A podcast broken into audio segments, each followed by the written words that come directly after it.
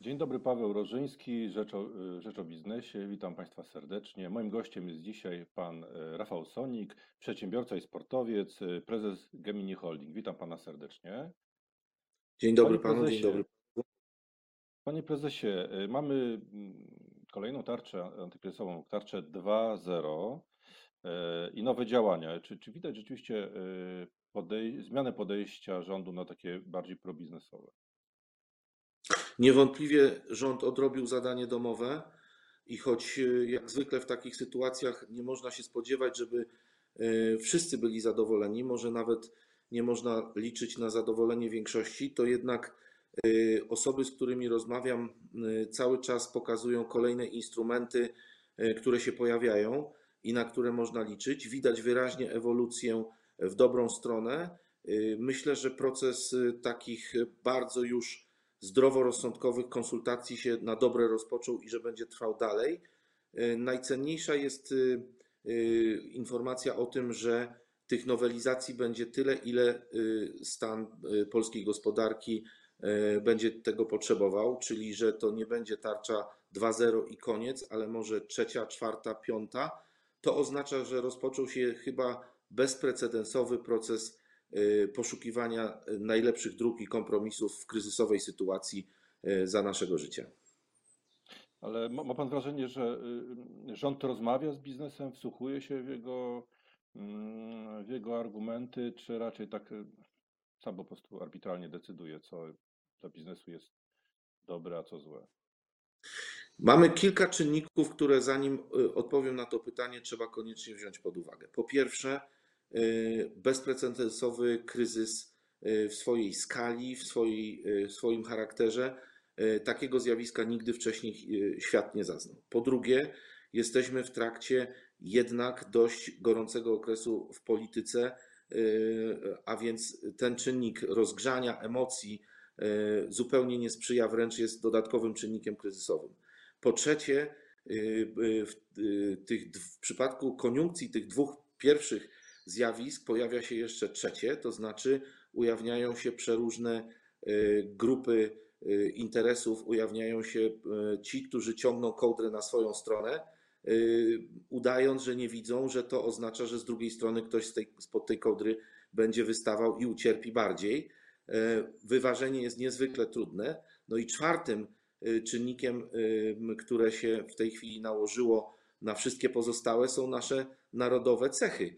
E, nie jesteśmy skłonni do e, naturalnie do e, myślenia o interesach jako całości, o myślenia o interesach innych.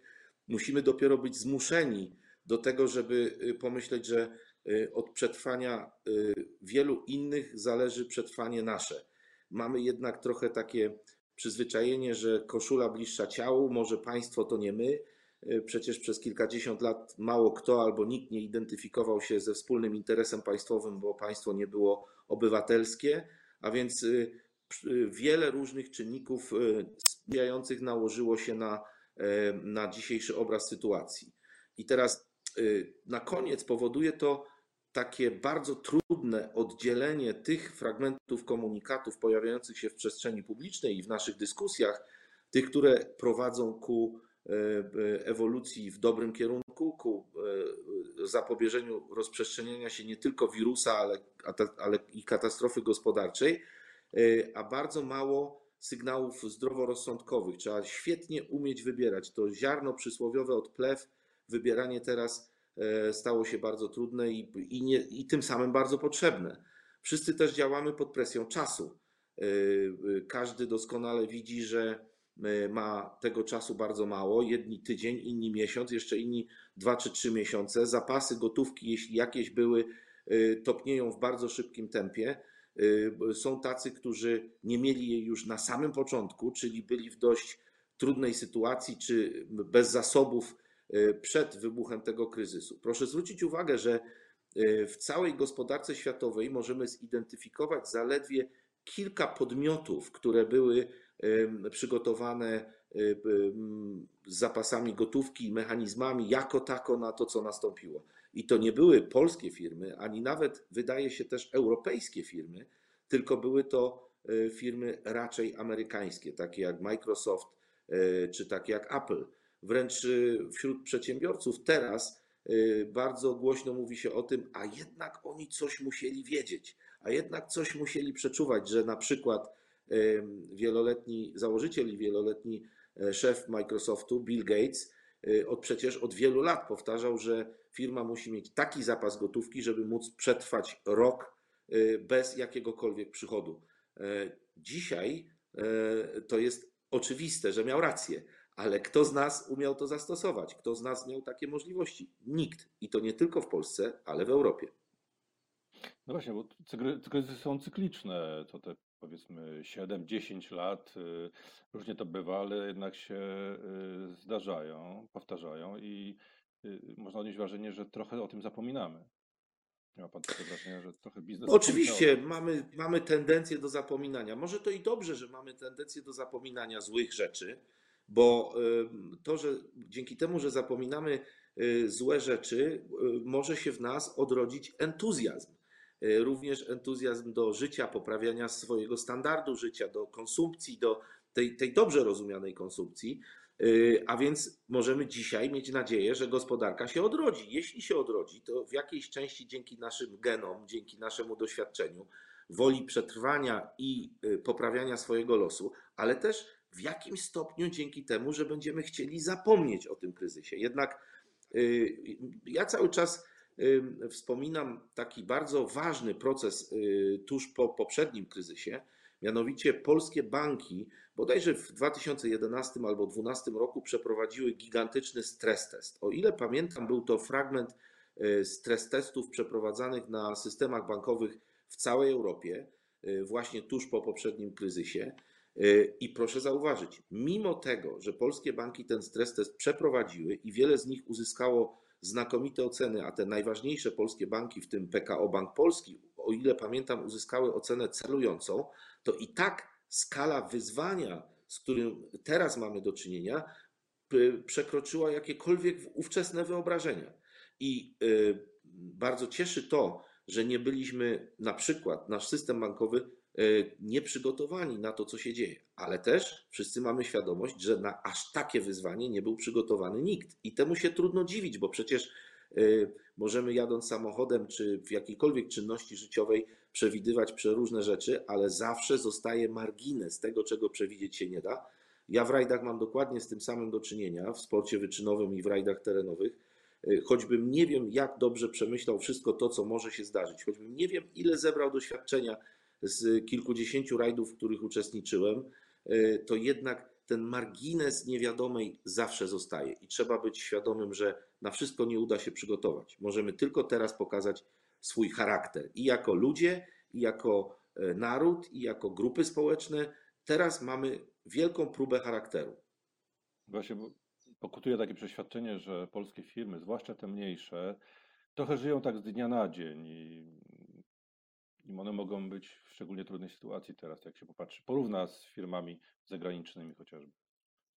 W pierwszym komentarzu, zaraz po wybuchu koronawirusa, po, czy po jego wejściu do Europy, przeniknięciu do Europy, powiedziałem i dzisiaj mogę chętnie powołać się na te słowa, że w, do pierwszej tarczy antykryzysowej, czy do pierwszych regulacji rządu, jeszcze wtedy nawet chyba nie było to tej nazwy tarcza antykryzysowa czy specustawa, że do tych pierwszych regulacji trzeba wziąć pod uwagę właśnie ten czynnik czasu. To znaczy, że dla e, wielu podmiotów, szczególnie tych najmniejszych, e, e, czas biegnie o wiele szybciej i że na nich trzeba skupić się według mnie w pierwszej kolejności, ponieważ one mają zupełnie znikome zasoby, że, że są no, nie tylko nieprzygotowane, ale przede wszystkim, że nie są w stanie zrozumieć i, e, mm, i zreorganizować się w bardzo krótkim czasie, e, tak, żeby, żeby przetrwać z, o własnych siłach. Dlatego, choć nie było to właściwie zrozumiane, ale na szczęście później udało się to wyjaśnić. Dlatego powiedziałem, pomagajmy najpierw tym, którym czas biegnie najszybciej, i później po kolei tym, który, którzy mogą poczekać, aż rząd i zaplecze rządu, doradcy, konsultanci, negocjatorzy zrozumieją lepiej, e, jakie zadziałały mechanizmy, co się dzieje z gospodarką w tak ogromnym kryzysie. I myślę, że ten proces się dzieje. Nie chciałbym y, jestem daleki od powiedzenia wszystko jest świetnie, absolutnie nie jest. My naprawdę cierpimy. Każdy pracodawca, czy zwalnia jednego pracownika, pięciu, pięćdziesięciu czy pięć tysięcy, cierpi, bo nie tylko zwalnia ludzi, którzy są y, y, no, statystyką, ale przede wszystkim dekomponuje tworzoną latami strukturę. E, Ta dekompozycja czy, czy, czy destrukcja wręcz struktur to jest największa e, strata, którą e, ponosimy. A więc nasz wysiłek, mówię o przedsiębiorcach, mówię o ekonomistach, o doradcach, o rządzie, powinien być skierowany i pierwsze symptomy niewątpliwie widać na utrzymanie struktur w niezbędnym zakresie. Tu mamy wydaje się dość dobrą sytuację, dlatego że oprócz swoich własnych doświadczeń y, możemy korzystać również dzięki no, globalizacji, choćby przepływu informacji, y, z doświadczeń innych krajów Niemców, Szwajcarów, Holendrów, y, Szwedów. To takie kraje bliskie Polsce. No i niewątpliwie gospodarki i systemy kształtowane od dziesięcioleci w sporej dyscyplinie. Y, Widzimy, jak to robią Niemcy, widzimy, jak robią Szwedzi, widzimy, jak zaczyna budzić się i robić to y, Unia Europejska. To też dobry sygnał z ostatnich dni, że się budzi. Y, Korzystamy z tych doświadczeń, uczymy się tego i dla mnie wspólnym mianownikiem niewątpliwie jest po pierwsze to, że czynnik czasu jest krytyczny, a więc trzeba pomagać w pierwszej kolejności tym, którzy padają pierwsi, przepraszam za taki eufemizm, a i później w każdym kolejnym możliwym etapie kolejnym grupom, e, fragmentom gospodarki. No i po drugie, że musimy koniecznie skupić się na e, ratowaniu, a później restytucji struktur, bo to struktury odpowiadają za e, jakość, konkurencyjność, no i w efekcie za możliwość restytucji w ogóle systemu gospodarczego, a więc i bazy podatkowej. Mówił Pan, Panie Prezesie, niedawno, że powinniśmy się skupić na mm, średnich i większych firmach, które są takim kręgosłupem e, gospodarki. Czy jak patrzymy na tą kolejną tarczę, e, to widać rzeczywiście zmianę w podejściu rządu i że te, na, na te firmy położono nacisk. Tak, y, widać, choć być może pozornie pierwsze to, co zawsze mamy w głowie, to nie dość, to nie wystarczy, za mało, nie mi, dlaczego nie mi, ile będę musiał czekać, przecież już y, y, dysponuję resztkami sił. No zawsze to jest w człowieku taki pierwszy odruch, prawda? Y, Co dostanę z tego i z reguły odpowiedź jest albo nic, albo za mało, albo za późno. No mamy taką naturalną tendencję.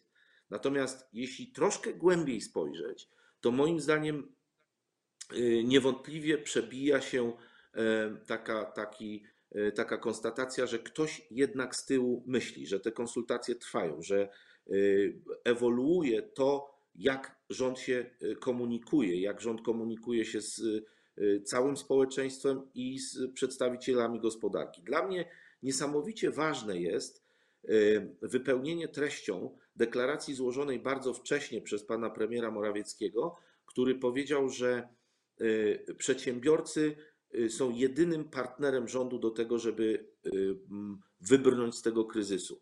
Y, Po raz pierwszy w wielu różnych wypowiedziach i w wielu różnych kontekstach y, pokazuje rząd świadomość, jakie znaczenie ma przedsiębiorca. Myśmy na to przez dziesięciolecia czekali. Y, Przedsiębiorcy przez dziesięciolecia w sposób y, no, taki mniej lub bardziej milczący przyjmowali, że mm, państwo traktuje nas y, raczej jak y, źródło dochodów, kropka, a nie y, tych, którzy y, generują rozwój, którzy generują bazę podatkową, którzy generują, którzy generują przypływy państwa.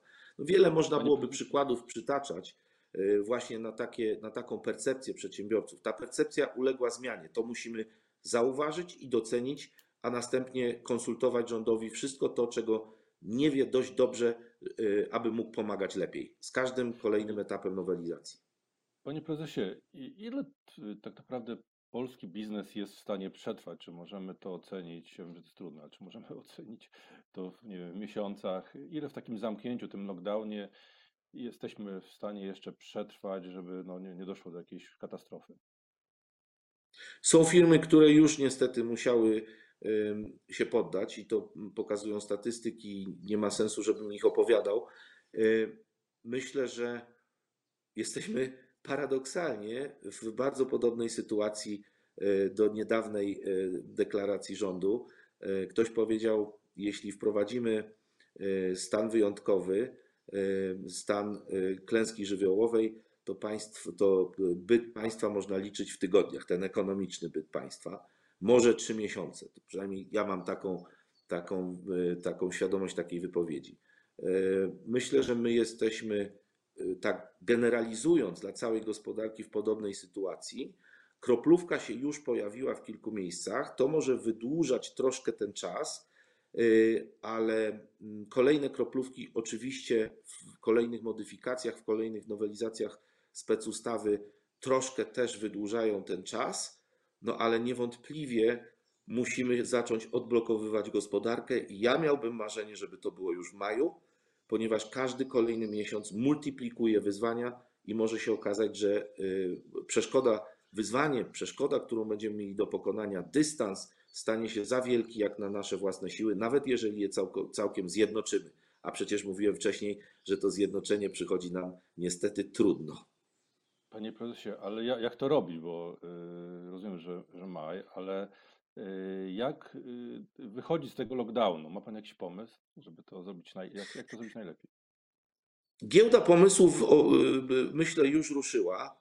Ona się będzie przetaczać przez nasze domy i nasze komputery i nasze głowy przez święta.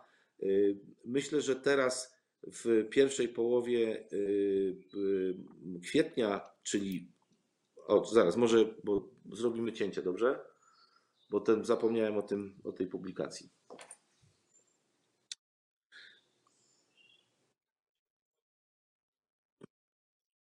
Tak, proszę. Y, jak, y, jak wychodzić, y, panie prezesie, z tego tak zwanego lockdownu? Na pewno stopniowo, na pewno ostrożnie, kroczek po kroczku, na tyle odważnie, na ile po, pozwala diagnoza naszego bezpieczeństwa, zdrowie na pierwszym miejscu, gospodarka na drugim miejscu, y, a więc krok za wiedzą o tym, co trzeba zrobić, żeby y, utrzymać zdrowie. Wszystkie mm, możliwe rozwiązania analizujmy. Myślę, że to jest, że kwiecień jest właśnie na te analizy, a maj na to, żeby wdrożyć, żeby zacząć wdrażać. Właśnie, co w pierwszej kolejności tak naprawdę powinniśmy otwierać, od, od, odmrażać? Y, w pierwszej kolejności powinniśmy według mnie y, odmrozić to, co zamroziliśmy najbardziej. Najbardziej wydaje się zamrożony handel detaliczny, y, zaraz przy nim turystyka, transport, ale handel detaliczny jest powiązany z tymi zjawiskami. Tak więc do turystyki nam jest uczciwie mówiąc chyba trochę dalej. Ja bym nie stawiał na to, że Polacy pojadą na najbliższe wakacje w jakiejś dużej ilości i że może to być bezpieczne. Natomiast y, handel powolutku powinien być odmrażany. Y, rekomenduję, żeby raczej starać się to zrobić w maju, bo jest to ostatnia chwila, żeby firmy mogły sprzedawać kolekcje wiosenno-letnie. To wcale nie jest żart. Dzisiaj nasi najemcy w całym polskim handlu e, kupili towar na wiosnę i lato w dużej mierze na kredyt. Jeśli tego towaru nie sprzedadzą, nie odzyskają płynności, nie będą mieli e, za co nawet e, kupić choć części kolekcji jesienno-zimowych, to dla wielu firm oznacza gigantyczne wyzwanie i to wyzwanie widać. Specjalnie podałem taki przykład, bo tak samo jest przecież w hotelarstwie. Tak samo jest w turystyce. Dla wielu regionów i wielu miejsc y, głównym sezonem jest lato, później przez od jesieni do wiosny nie dzieje się za wiele. E, są takie rejony, obszary, gdzie mamy dwa sezony, letni i zimowy. Ten zimowy został gwałtownie przerwany, kiedy jeszcze mógł się spokojnie w wielu miejscach toczyć. Ten letni najprawdopodobniej nie przyjdzie albo w jakiejś szczątkowej formie, więc odmrażajmy to, co się da i dbajmy o bezpieczeństwo. Myślę, że programy odmrażania są w tej chwili gdzieś z tyłu głowy wielu ludzi i że w kwietniu dużo czasu i energii poświęcimy na konsultacje, żeby w maju zacząć wdrażać odmrażanie. Ale to jest tylko moje zdanie. Być może wiadomości na temat ewolucji epidemii jeszcze mocno skorygują te nadzieje. Y, Galerie handlowe są w szczególnie trudnej sytuacji, bo tam jeszcze dochodzą skomplikowane relacje z najemcami, prawda, właścicieli galerii. Tutaj jest, jest, jest, jest rzeczywiście trudna sytuacja.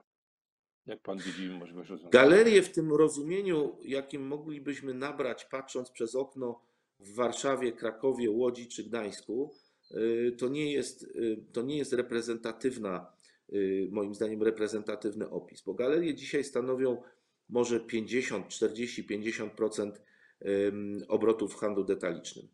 Natomiast w małych i średnich miastach, takich jak Nowy Sącz, Tarnów, Przemyśl, ale i w setkach innych, y, handel detaliczny jest, jest największym, największą częścią lokalnej gospodarki. Y, Na przykład w Tarnowie, mieście y, około 100 tysięcznym, y, w handlu i wokół handlu pracuje ponad 4 tysiące osób. To jest ogromna część wszystkich zatrudnionych i to jest spora również sfera wytwórcza, bo y, przeróżne produkty, które są sprzedawane w handlu detalicznym, są wytwarzane lokalnie. A więc kilka tysięcy ludzi plus kilkanaście tysięcy ludzi, którzy bezpośrednio utrzymują się z handlu i z dostaw i z obsługi handlu, dzisiaj jest w całkowitym lockdownie. Dzisiaj jest w stanie takiej hibernacji, zamro- zamrożenia. Y, Bez żadnej wątpliwości ta hibernacja każdego dnia y, stwarza o wiele większą barierę później, żeby restartować y, cały ten segment. Handel i usługi tworzą, mówi się kilkanaście procent, ale moim zdaniem łącznie ze swoimi dostawcami i otoczeniem biznesowym jest to znacznie powyżej 20% PKB. W dużej części wytwarzanego w Polsce i w bardzo dużej mierze obrót w- tej gałęzi gospodarki zamyka się w Polsce. Minus import, który niewątpliwie jest duży, ale wciąż gro pieniędzy krąży w naszym wewnętrznym polskim krwiobiegu. Dlatego odmrożenie tego krwiobiegu w handlu wydaje się być y, jednym z priorytetów właśnie już na maj.